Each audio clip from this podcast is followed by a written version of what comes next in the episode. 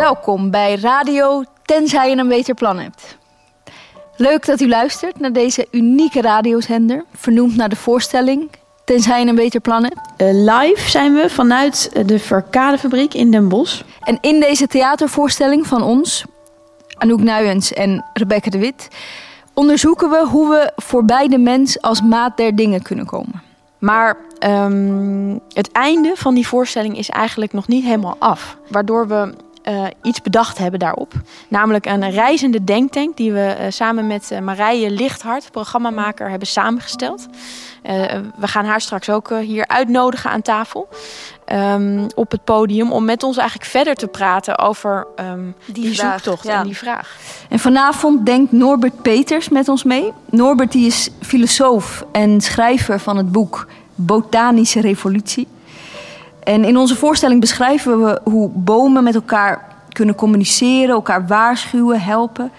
En met Norbert spreken we verder over de intelligentie van planten en of planten ook gevoelens hebben. Wat is eigenlijk hetgeen wat wij allemaal niet van planten weten? De grote misvatting als het gaat om planten en bomen. Uh, nou, dat, is, dat zijn wel twee verschillende dingen. Ja. Laten, we, laten we beginnen met dat schreeuwen, want dat is denk ja. ik wel interessant. Uh, er is op een gegeven moment in de jaren 70, jaren 80 is een, een, artikel verschenen. En dat heeft nogal wat voor wat oproer gezocht. En dat, het artikel heette Talking Trees. En dat ging over dit onderzoek in Afrika naar die acacia-bomen die worden aangevroten door giraffes. En inderdaad, wat er dan gebeurt is dat ze merkten dat planten boodschappen kunnen uitsturen. Chemische boodschappen eigenlijk. Een soort chemisch SOS-signaal. Of je dat schreeuwen wil noemen, is misschien een. Hè, daar zou je misschien stembanden voor nodig hebben. Die hebben ze helaas niet. Maar wat ze wel hebben, is dat ze ontzettend veel chemicaliën kunnen maken. Ik bedoel, ze noemen planten wel eens de alchemisten van de levende natuur. Planten zijn natuurlijk in staat om ontzettend veel chemische stoffen te synthetiseren. Wat wij natuurlijk ook doen in laboratoria. En nou, wat ze merkten is dat deze zogenaamde volatielen, die konden ze dus uitwasemen, als het ware, uit de bladeren. En die konden dus. En volatine is de chemische stof. Dat is de chemische stof, inderdaad. Okay. Een soort SOS-signaal. Dus ze worden inderdaad aangevroten. Nou zijn ze al best goed in staat om zich daartegen te verdedigen. Je moet je voorstellen dat als je als, kijk, als, je als plantje zelf niet verdedigt, dan ben je binnen de kortste keer een luciferhoutje. Want je hebt ontzettend veel vijanden. Alles probeert jou continu op te eten. Of in ieder geval ziek te maken en, en het leven zuur te maken. Ik bedoel, ook bij planten is er natuurlijk sprake van een enorme strijd om het bestaan. We hebben mensen die terug zijn gekomen. Ja, Gelukkig. nou, kijk, er is een enorme strijd om het bestaan gaande. En planten zijn op allerlei manieren heel erg goed aangepast om op één plek te blijven staan. Dat is ook het rare bij planten. Planten moeten zich verdedigen zonder dat ze van een plek kunnen komen. Wij kunnen weggaan, wij kunnen ons terugtrekken in een burcht of in een kasteel met een hoop wapens en allerlei andere toestanden. Planten moeten daar blijven staan. En niettemin alle veranderingen ondergaan van alle hoeken worden aangevallen en zich daartegen te wapenen. Dus daar is, slaagt die acacia al heel goed in. Die heeft flinke stekels, die heeft een bast die tegen vuur kan, mocht er daar uh, een, een, brandje in de buurt zijn op allerlei manieren. Maar wat hij dus ook kan, en dat is het aardige, is dat hij dus ook nog eens een keer chemische boodschappen kan sturen die andere acacia-planten oppikken. Waardoor ze die chemicaliën in de bladeren doen toenemen. Waardoor op het moment dat dan zo'n giraf daar een hap van neemt, het minder goed met hem gaat. In ieder geval, dat zal hij niet lekker vinden. Ja. En, en, dan vervolgens passen giraffen zich daar weer aan, aan, uh, bij aan nog een veel raarder voorbeeld van communicatie. Dit is, dit is min of meer je buurman waarschuwen. Van, eh, nou, ik word aangevroten, ik probeer mij al stand te houden. Uh, doe jij dat ook? Of in ieder geval, uh, probeer je verdedigingslinie nog eens een keer extra op te zetten. Er zijn planten, ze hebben ontdekt bij um, koolplanten... dat als koolplanten worden aangevallen door koolwitje... dat is een soort, het rupsje daarvan... dan is die niet alleen in staat om zichzelf te wapenen weer met chemicaliën. Zo'n chemische boodschap uit te sturen. Maar die chemische boodschap is niet bedoeld voor een andere plant. Die is bedoeld voor de natuurlijke vijand van het koolwitrupsje. Namelijk ah. een kleine parasitaire wesp. Die vervolgens nou naar die koolplant toe gaat. Daar die rups tegenkomt. En die rups injecteert met eitjes en het leven zuur maakt doordat hij... En dat is heel strategisch. Dan kun je bijna zeggen, die plant heeft intelligentie. Ja, nou ja, dat is, dat is zo'n vraag die ehm, steeds meer opkomt. En ik denk dat het ergens terecht is en ergens moet je een soort pas op de plaats houden. Hmm. Ik denk dat het heel interessant is om na te denken over andere vormen van intelligentie buiten het dierenrijk. Ik denk dat we inmiddels wel een klein beetje gewend zijn aan het verhaal van onder andere een Frans de Waal. Heel veel aapachtigen vertonen allerlei vormen van intelligentie. En ook dolfijnen, olifanten. En wat hij zegt is dat je eigenlijk een soort ja, ripple effect. Als je zo'n steen in de vijver gooit, dan krijg je allemaal van die golven. Hij zegt op het moment dat we ergens iets ontdekken, bijvoorbeeld gereedschapsgebruik. Nou, op een gegeven moment was Jane Goodall, die zag dat chimpansees in, de, de, in het nationale park in Congo... dat die gereedschap konden vervaardigen en daarmee aan de slag konden. Zodra dat wordt ontdekt, dan woekert dat zich eigenlijk uit over de rest van het dierenrijk. Je ziet overal in één keer voorbeelden van diertjes die op allerlei manieren gereedschap gebruiken. Of dat nou kraaien zijn, soms zelfs krokodillen. Je hebt daar talloze voorbeelden van. Maar ja, de vraag is, bij intelligentie in ieder geval zo. Kijk, waar eindigt nou die, die, die rimpeling in het water? Eindigt die bij het dierenrijk? Eh, dieren met een centraal zenuwstelsel of wat ook? Eh, of eindigt die pas bij bacteriën? Of horen schimmels daar niet bij? Eh, planten daar niet bij? Dus ik denk dat we in ieder geval de mogelijkheid moeten openhouden... dat we iets van intelligentie kunnen aantreffen in het plantenrijk... wat dan misschien wel helemaal niet leidt op onze vorm van intelligentie... maar niettemin wel kan worden gekwalificeerd als intelligentie. Ja. En als we het hebben over... Je zegt net al, ja, maar we kunnen niet over dit soort intelligentie hebben. Wat is dan eigenlijk, als we het hebben over planten... onze wezenlijke tekortkoming als mens... Hoe kunnen wij als mensen ons überhaupt verplaatsen in een plant? Dat is uitzonderlijk lastig. uh, omdat er, er gaapt een enorme kloof. Kijk, ja. Er gaat een enorme kloof tussen plant, het plantenrijk en het dierenrijk. En die gaat terug anderhalf miljard jaar. Dan hebben we, daar hebben we ergens een gemeenschappelijke voorouder met het plantenrijk. En we hebben een gemeenschappelijke voorouder met het plantenrijk. Sterker nog, we delen zo'n 30% van ons DNA met de gemiddelde eik. Dat is best wat. Niet, niet met alleen de eik? Nou, ik weet niet hoe met al die andere planten zitten. Toevallig van de eik weet ik het. 30 Ik heb het hem gevraagd en hij zei 30, 30 minstens 30 procent. Nee, maar dat is natuurlijk, eh, we delen wel degelijk DNA. En we delen ook wel gemeenschappelijkheden. Er, zijn, er is bijvoorbeeld aangetoond, en dat is heel aardig, dat planten hebben een biologische klok. Net zoals wij een biologische klok hebben. En die biologische klok die kan af en toe van slag raken. Als jij naar Amerika toe gaat, dan heb je een jetlag. Wel nu, als jij een plant zou meenemen... Oh. en je neemt die mee naar Amerika... kan die ook last hebben van een jetlag. en dat heeft dezelfde basis als bij ons. Ook planten hebben een biologische klok.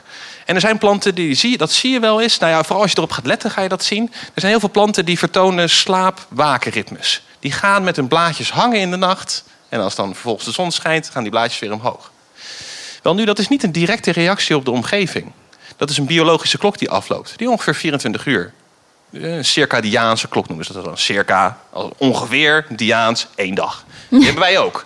Dus bij ons hebben we ook een biologische klok. Als wij in de afwezigheid van het zonlicht gaan zitten, ergens in een kelder, dan gaan wij automatisch gaan wij een, ongeveer een 23 uur ritme aan. En dat doen planten dus ook. Planten regelen dus ook een slaap- en wakenritme volgens diezelfde biologische klok. En die wordt geïnitieerd door blauw licht. Die zij opvangen met speciale eiwitten, zogenaamde cryptochromen. Die eiwitten hebben wij ook. Waaruit biologen kunnen concluderen dat ze zeggen: Nou, die biologische klok is dus zo essentieel om te leven. dat die blijkbaar al is ontstaan in levensvormen. Um, nog van voor de splitsing tussen een, überhaupt een plantenrijk en schimmels, dieren. Als, ik, als ik zo naar jou luister, dan denk ik: hè? Of zo, ik weet niet. Dan, het klinkt allemaal dan alsof inderdaad planten, alsof het zo raar is dat, dat wij dit allemaal niet weten of zo. De meeste mensen. Ik, ik wist niet dat 30% van uh, een eik zeg maar, met mijn DNA matcht. Het, het voelt als een soort, als een soort wereld die, die ik helemaal niet ken in de werkelijkheid waarin ik leef. Ik denk dat dat voor heel veel mensen geldt. Ik bedoel, pedagogen hebben dit plantenblindheid genoemd. ik weet niet of dat terecht is, want ik denk dat mensen wel heel erg. Er zijn heel veel mensen met groene vingers. En er zijn heel veel mensen die uh, planten een warm hart toedragen. ik zie redelijk wat tuintjes met planten en vensterbankjes voor maar groene vingers klinkt dan ook zo dat je naar de intratuin gaat en daar planten gaat kopen en zo. En die op je balkon gaat neerzetten. Dat, dat, ik bedoel, dat is toch. Maar dat klinkt niet als, als, als, als, als dat die planten zeg maar 30% van mijn DNA. Nee, dat klopt. Ja. Ik denk wel dat de, de botanie heeft een beetje een. Niet zozeer een identiteitscrisis, maar heeft wel een groot probleem. En dat is dat planten over het algemeen als zeer oninteressant worden bestempeld. Dat is helaas, moet ik dat deelnemen aan jullie, ongetwijfeld jullie Is dat omdat ze niet kunnen bewegen, denk je? Of? Nou, het geinige is dus, ze kunnen wel bewegen. Oh ja. En zodra er een plant beweegt Natuurlijk. op onze tijdschaal... We hebben bijvoorbeeld zo'n Venus vliegenvangertje of een kruidje Oh ja. roermeniet. Ja. Je moet maar eens met kinderen door een botanische tuin lopen. Ten eerste kijken die nooit naar de planten. Die kijken meestal naar de insecten of de vlinders... en alle andere dieren die ze proberen ook maar te verzamelen... om kinderen ook het enigszins te vermaken. Eh, maar welke planten wel altijd, eh, eh, helaas... nou, ook de, trouwens, het gaat ook vaak slechtsmessen daardoor. Bijvoorbeeld kruidje roermeniet. Kinderen vinden dat schitterend. Dat het beweegt op onze tijdschaal. Daarom zijn aan het einde van het seizoen ook vaak die kruidje roermeniet helemaal verlept... van al die kindervingertjes die daarin hebben zitten knijpen. Ehm, en als het beweegt op onze tijdschaal, dan is het voor ons. Hè? Ja, dan, ja, ja. dan denken we, hey, maar planten bewegen wel degelijk. Alleen eh, wij nemen die we- beweging simpelweg niet waar. Dat heeft heel lang geduurd voordat we dat konden waarnemen. Darwin is een van de eerste die, dat, die daarin is geslaagd. En la- later kregen we camera's. En nu kunt iedereen kan een timelapse aanzetten Ja, van dan- een groeiende plant of wat ook of zo. En dan zie je dat ze continu, dat ze echt een rusteloos bestaan hebben. Op die ene plek. Op die ene plek. Maar ook nog eens een keer heel goed in staat zijn om, ondanks dat ze op die ene plek zijn, hun soortgenoten eh, en hun nakomelingen vooral eh, ver en wijd te verspreiden. En daar ook allemaal hele aardige oplossingen voor hebben. Kijk, denk bijvoorbeeld aan de appel. Als je over Terschelling loopt, zie je overal appelboompjes staan. Dat zijn die mensen die in zo'n camper escapisme vertonen en weg willen van de stad en al die andere narigheden, maar niet genoeg geld om naar Bali toe te gaan. Eh, en, die- en dan zie je daar allemaal van die, ja, dat noemen ze dan van die wegwerpappelboompjes. Hè? Dat zijn dus inderdaad mensen die hebben gewoon dat klokhuis over de, over de schouder gegooid en daar is een boom uit voortgekomen. En Maar heb je het gevoel dat, dat er wel een soort toenemende interesse... Dat, dat we misschien, we hebben nu de Partij voor de Dieren... maar dat we misschien over 50 jaar de Partij voor de Planten hebben? nou, er is eerst ooit door Verkoot en de Bier is dit geopperd. Hè? Oh, echt? Nou, dat heette, die partij heette Goeie Peer. En dat was om. eh, niet om heel grap helemaal te stelen, maar dat was om. eh, dat was om leed eh, tegen fruit en groenten te voorkomen. En eh, dan hadden ze het vooral over eh, uit, het uitstellen van eh, leed. Hè? Dus een appeltje sollen, aalbessen van een takje of een ro- een roetje. En dat was een beetje een, dat was natuurlijk een, een, een, beetje een grapje. Ehm, ik denk wel dat jullie gelijk hebben dat er een bepaalde manier. Kijk, een paradigmawisseling is het probleem er vaak van dat het vaak vrij rap. Dat het, nou niet rap, ik bedoel, hè, maar in ieder geval. Eh, In Als het er tientallen is, jaren dan, kan het in één keer. Toen, toen, toen de evolutietheorie werd gelanceerd en Origin of Species verscheen, sloeg dat in als een bom. Die man werd niet voor niks be- begraven in, in, naast Isaac Newton. Dus men weet vaak ook wel degelijk binnen een generatie of wat, weet men, eh, er is iets revolutionairs aan de hand. Ja. Ehm, even kijken hoor, waar was het concreet aan te denken? Paradigma. Dus Ja. ik denk wel dat dat gaande is voor planten. Ja? Ik, denk dat de in- Maar- ik denk dat de interesse eh, aan het toenemen is. En dat komt omdat in al die onderzoeken steeds meer blijkt... dat planten dus communiceren met elkaar en tactieken... Ik denk dat het voor een deel de. Ik denk dat het voor, zeker voor een deel is dat we, steeds, dat we steeds meer weten over de complexiteit van leven. En ook van planten. En dat die complexiteit af en toe verbluffend is. Waardoor er iets ge- gebeurt met de positie van de mens. Omdat we steeds meer weten. Nou, ik denk in ieder geval dat. Kijk, je ziet het bijvoorbeeld bij proefdieren. Dat was echt nog tot 40 jaar geleden. Was het nog de ge- gebruikszaak van de wereld. Je had op een gegeven moment een psycholoog die zocht naar. waar eh, worden herinneringen opgeslagen? Die man heeft nou, duizenden ratten gefolterd. op zoek naar dat plekje in het brein. Dat kan nu tegenwoordig niet meer zo. En dus ik denk wel dat er daar iets. er is daar iets gaande. Alleen wij planten hebben een beetje, wat dat betreft, een imagoprobleem. En ik denk ook dat het bijna niet. Maar kan je cosmetica ook op planten testen? Oef, meestal wordt het uit planten Oh. gehaald. Maar ik weet niet of je het ook kan testen op. Kijk, bijvoorbeeld, er is echt een, er is een groot verschil. Als jij kijkt naar zo'n film over de bio-industrie. Mhm. En stel je nu eens voor de scène. Je hebt een man met een grote zak met kleine mannelijke kuikentjes. Waar de lucht wordt uitgehaald. En je hebt een grote zak met avocadopitten. Net gehaald uit Amsterdam-Zuid bij de hipsters. Heb je alle avocado-tenten beroofd. En vervolgens al die pitten in zo'n zak gedaan. En die pitten worden met een grote hamer gesloopt. Dan heb je niet het idee... Ondanks het feit dat het alle twee... Kijk, het is gewoon een plant. Hè? Ik bedoel, een, een, zo'n zaadje is een embryo. Kan jij je niet... Ik, ik heb wel eens de verbeelding dat als, ik, als, als wij allemaal hele oude opaatjes en omaatjes zijn... dat wij dan onze kleinkinderen vertellen van... ja, we liepen vroeger door het bos en dan, dan eh, gingen we gewoon takken af. En dat zij dan zo... Woe. En vind je dat, denk jij dat niet? Zo, dat, dat jullie Maar dat- kijk, planten hebben daar... in tegenstelling tot ons, hebben ze daar. Kijk, ze hebben ook een paar voordelen aan hun, in hun eigen evolutionaire pad. Namelijk dat. Ik kan niet mijn duim eraf schroeven die in de grond steken en dan Oh, ja. krijg ik een nieuwe botanisch filosoof. Dan zouden er twee van ons zijn, dat zou te veel concurrentie opleveren. Maar een plant, een plant heeft niet zoveel. Ja, die, die heeft daar niet zo'n probleem mee. Die kan, die, die- eh, dat noemen we dan een modulair organisme. Dat betekent net als met een koraalrif. Het bestaat uit allemaal kleine stukjes. Dus je kan daar ook een stukje afhalen. Kijk, dat is allemaal even weer te maken met overleven op, door op dezelfde plek te blijven staan. Dan is het heel onhandig om vitale organen te hebben. Want als jij een vitale orgaan hebt en je kan op, blijft op één plek staan, dan ben je binnen kortste keren gedaan. Ja. Dus het is handig dat die planten dat niet hebben. Wat ook niet eh, handig is om te hebben, is pijn bijvoorbeeld. Er zijn heel wat mensen die zeggen, ja, eh, planten die kunnen ook pijn voelen. En dan zeg ik altijd van, ja, maar pijn is een prikkel die is ontstaan die van groot belang is. Namelijk dat jij weg kan. Als ik mijn hand op de kachel leg, dan is pijn de prikkel die ervoor zorgt dat ik, ah, weet je wel, en vervolgens mijn hand 10 minuten onder de kraan moet houden. Dat is niet handig als je op één plek blijft staan. Maar planten doen dus wel andere dingen. Bijvoorbeeld dus die, hè, die natuurlijke blagers oproepen of SOS-signalen uitsturen. Of een chemische oorlogsvoering houden die zijn weerga niet kent. Er is bijvoorbeeld een heel leuk Australisch brandneteltje. Wij hebben brandnetels en iedereen weet dat het erg onprettig is als je, hè, je een brandnetel valt of wat ook als je een keer klein bent. Iedereen heeft het wel eens een keer meegemaakt. Je hebt in Australië de, eh, een brandnetel, die noemen ze ook wel de suicide plant. Oeh. De gimpy gimpy.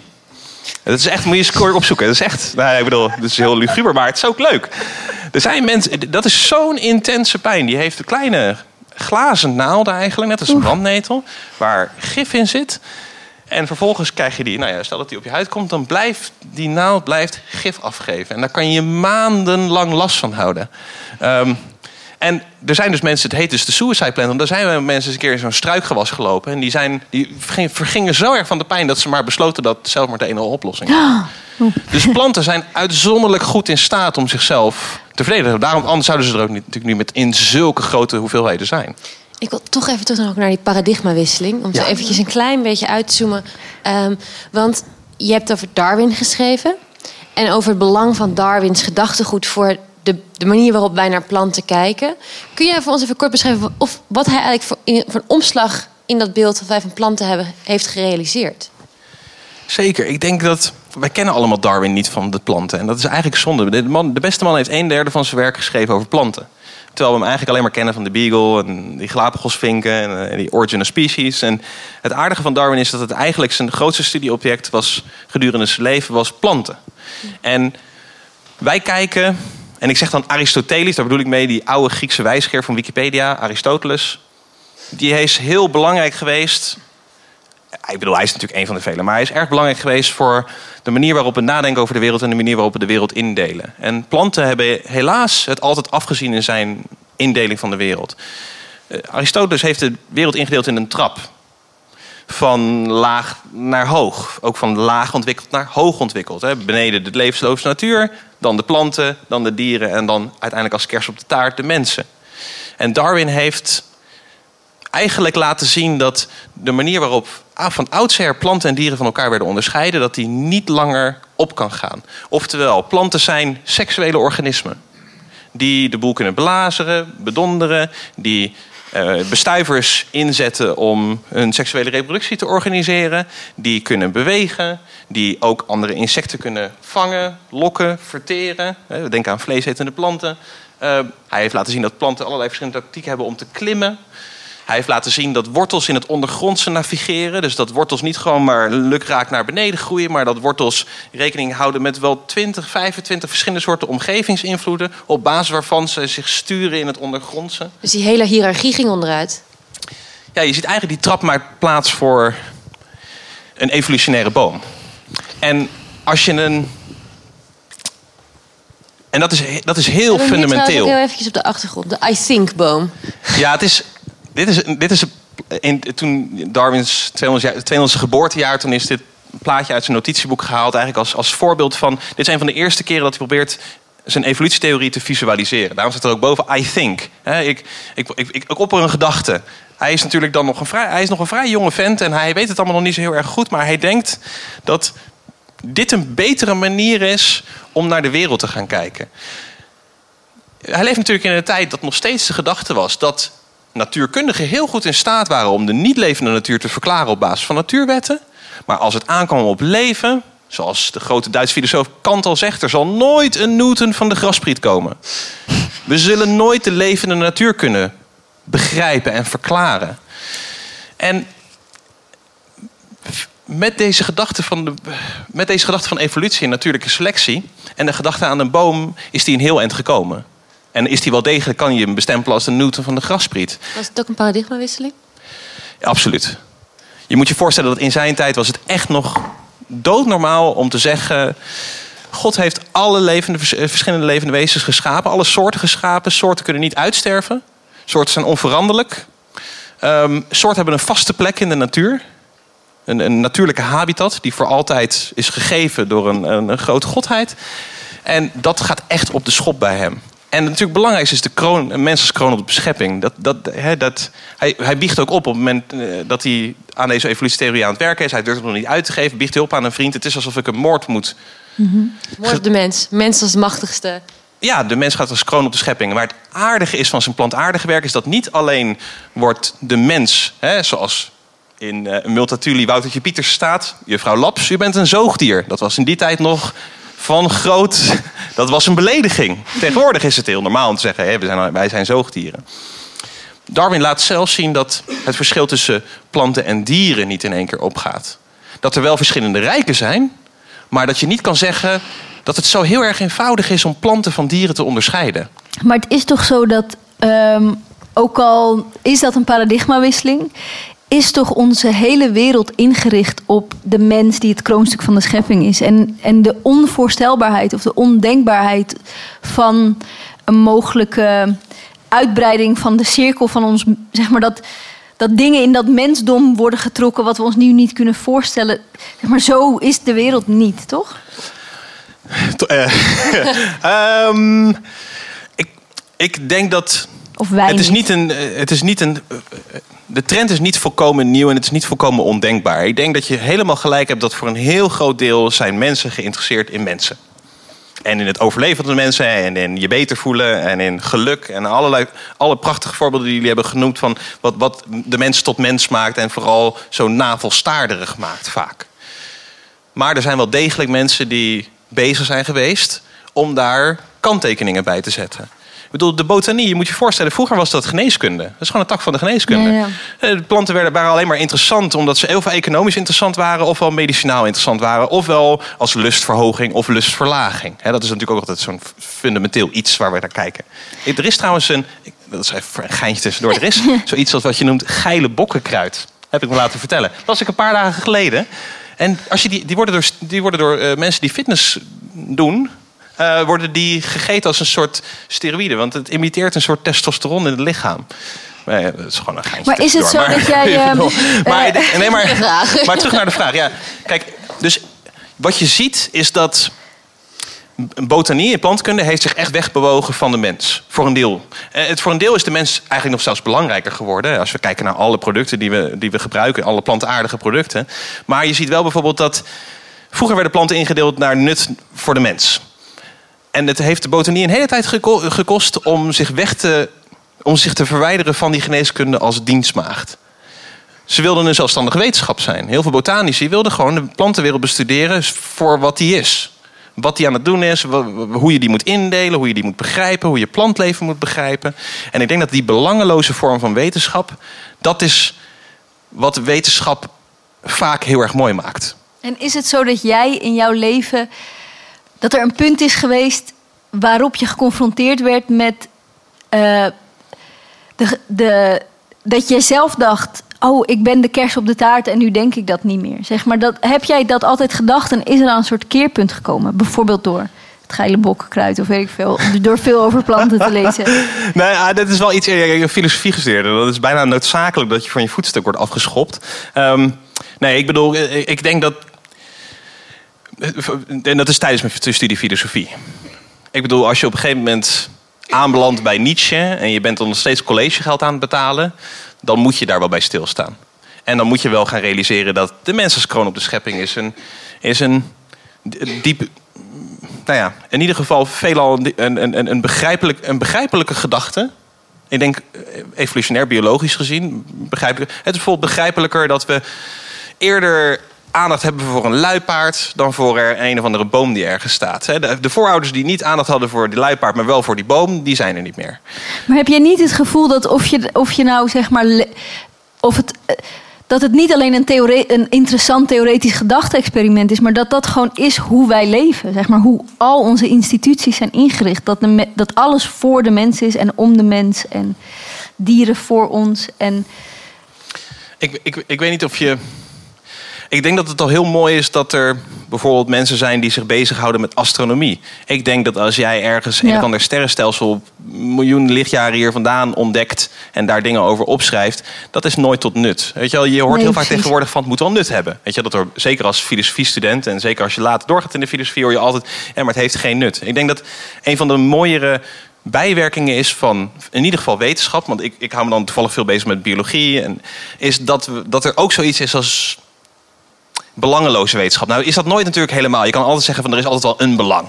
of je wil een vrouw of een man, of je wil, uh, je wil een hoop geld verdienen, of je wil uh, worden uitgenodigd in een theatershow of wat ook of zo. Er is ook heel veel. Je kan altijd wel belangen bespeuren. Maar kijk, wat bijvoorbeeld heel aardig is aan zo iemand als Darwin. Darwin doet 25 jaar onderzoek naar regenwormen.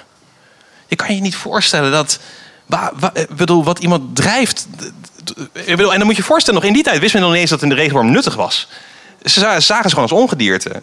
Sterker nog, tuinbladen die zeiden van op deze manier kan je van regenwormen afkomen. Flink wat kokend water of wat ook of zo. In je, eh, ik bedoel, dat is hoe men ernaar keek. En na 25 jaar onderzoek ontdekt hij hele leuke dingen over regenwormen. Maar heeft iemand daar iets aan? Ik denk helemaal geen ene bied. Maar je kan hem niet beschuldigen van dat hij de mens dan daar in het centrum plaatst. Nee, nee, precies. We gaan ook even naar jullie kijken. Hebben jullie hier vragen over? Ik vraag me af, kunnen mensen zich verbinden met iets waar ze zichzelf niet in herkennen? Want nu ik.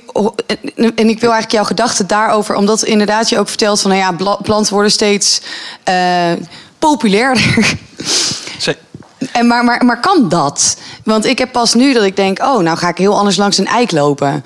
In plaats van dat ik dat. Ja. Nee, omdat ik mezelf erin herken. Maar kan ik, kan ik me verbonden voelen met iets waar ik mezelf totaal niet in herken? Hoe, hoe, hoe werkt dat? Is, is het een beetje. Ja, ik denk dat, ik, ik, denk dat ik wel. Ik, ik ga, nee, zeker. Ik bedoel, het is ik denk ik een hele. Het, het, het, raakt een heel relevant onderwerp aan. Want ik denk namelijk inderdaad, die, die grap van die avocado-pitten en die kuikentjes. Ik denk dat dat heel goed illustreert. Dat het voor ons ontzettend lastig is om. Eh, kijk, ethiek, naar, daarom is het ook zo grappig dat van Verkoot en de Bie dat het uh, ethisch naar fruit toe.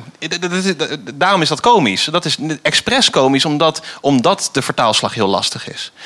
En ik, soms is het ook wel eens dat ik bij mezelf afvraag van... we moeten misschien ook... Er zijn namelijk ook mensen die proberen dan altijd de parallellen te benadrukken. Ik vind het juist ook fijn om bij planten juist ook de verschillen te benadrukken. We hoeven er geen mensen van te maken.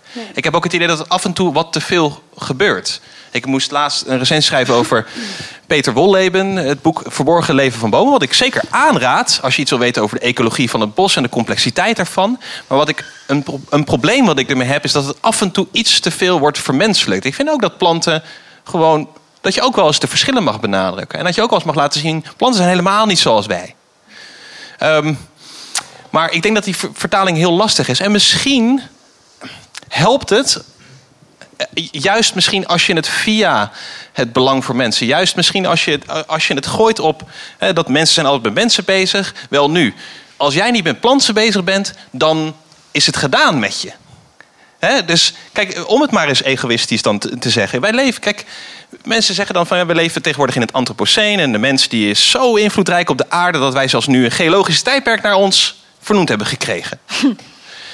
Maar bedenk je wel, wij leven allemaal als parasieten van de plantenwereld, direct en indirect. Als je een stuk vlees eet, dan is dat eerst.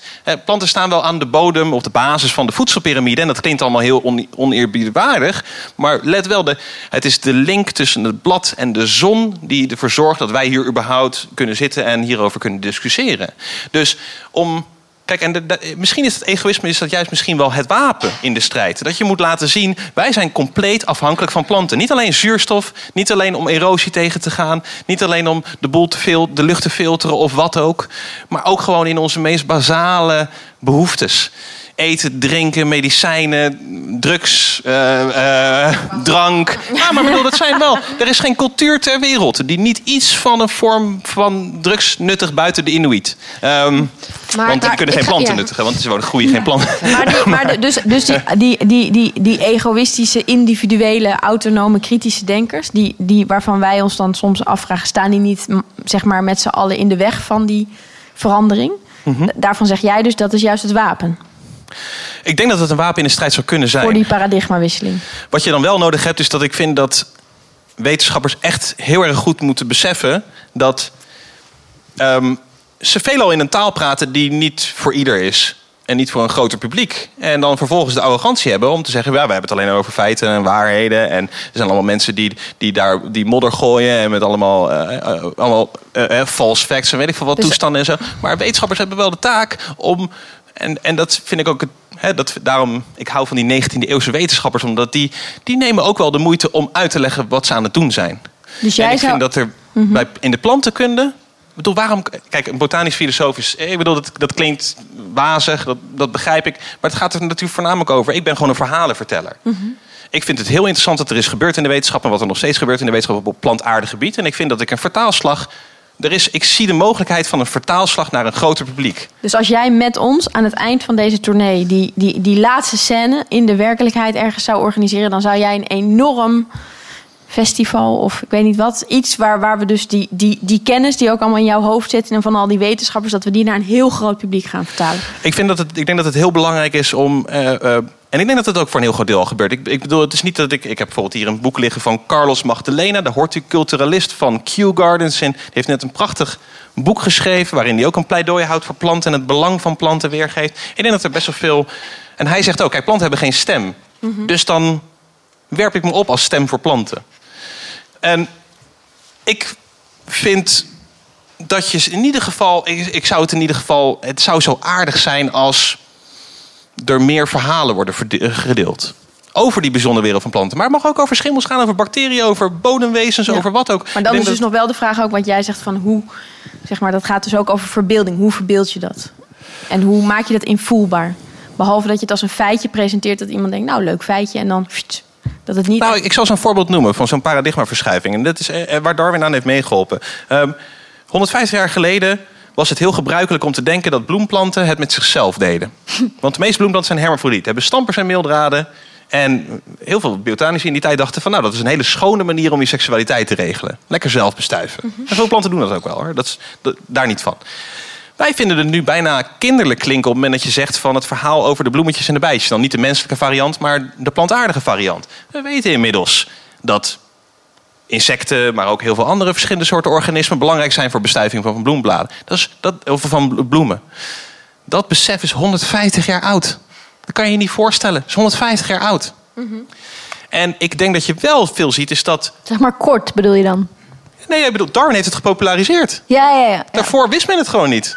al die kennis en al die boeken die we dan over die planten eh, gaan krijgen, helpt het ons? Is dat niet weer een boek? En twee, er zijn allerlei volken, Indianen, eh, mensen, ik dacht eens een keer een reisgids eh, in India, giants, mensen die eh, niet eens een insectje willen inademen, want dat is schadelijk. En ook niet op een mier willen trappen, want dat is, die hebben een hele andere verhouding tot de natuur. Kunnen daar niet iets van leren? In plaats van al die blanke Europese filosofen. Ik, ehm, ik, ik moet eerlijk bekennen, ik weet heel weinig over Oosterse gedachtegoed. Ehm, wat ik wel weet is dat de boeddhisten op een gegeven moment een keer, ja en wie wel, hè? ik bedoel, dan zijn er misschien ook echt, dan moet je er natuurlijk studie van maken. Wat ik wel een keer heb gelezen is dat boeddhisten op een gegeven moment een discussie hadden over, over planten een ziel hadden.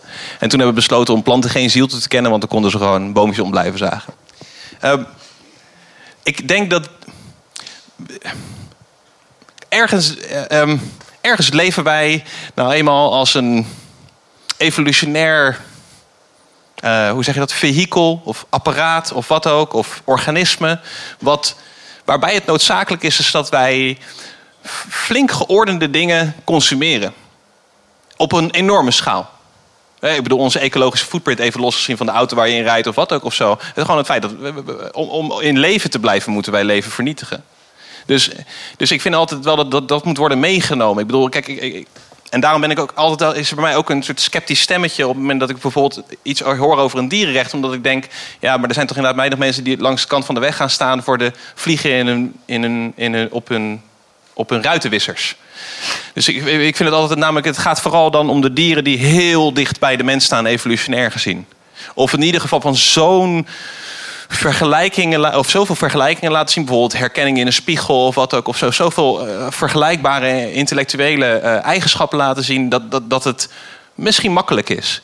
Maar bij lagere, hè, zogenaamd lagere organismen, bacteriën, schimmels, ga zo maar door. Ontzettend lastig. Uh, dus dat, hoe, hoe, zijn we niet. We zijn ook erg beperkt, denk ik, in die ethiek. En in dat vermogen om empathisch te zijn. Niet om nu heel nihilistisch in één keer te klinken of heel neerslachtig. Uh, maar dat is denk ik wel. Dus om, ik, vind op zich dat je gelijk hebt. We moeten zeker ook kennis nemen van andere culturen.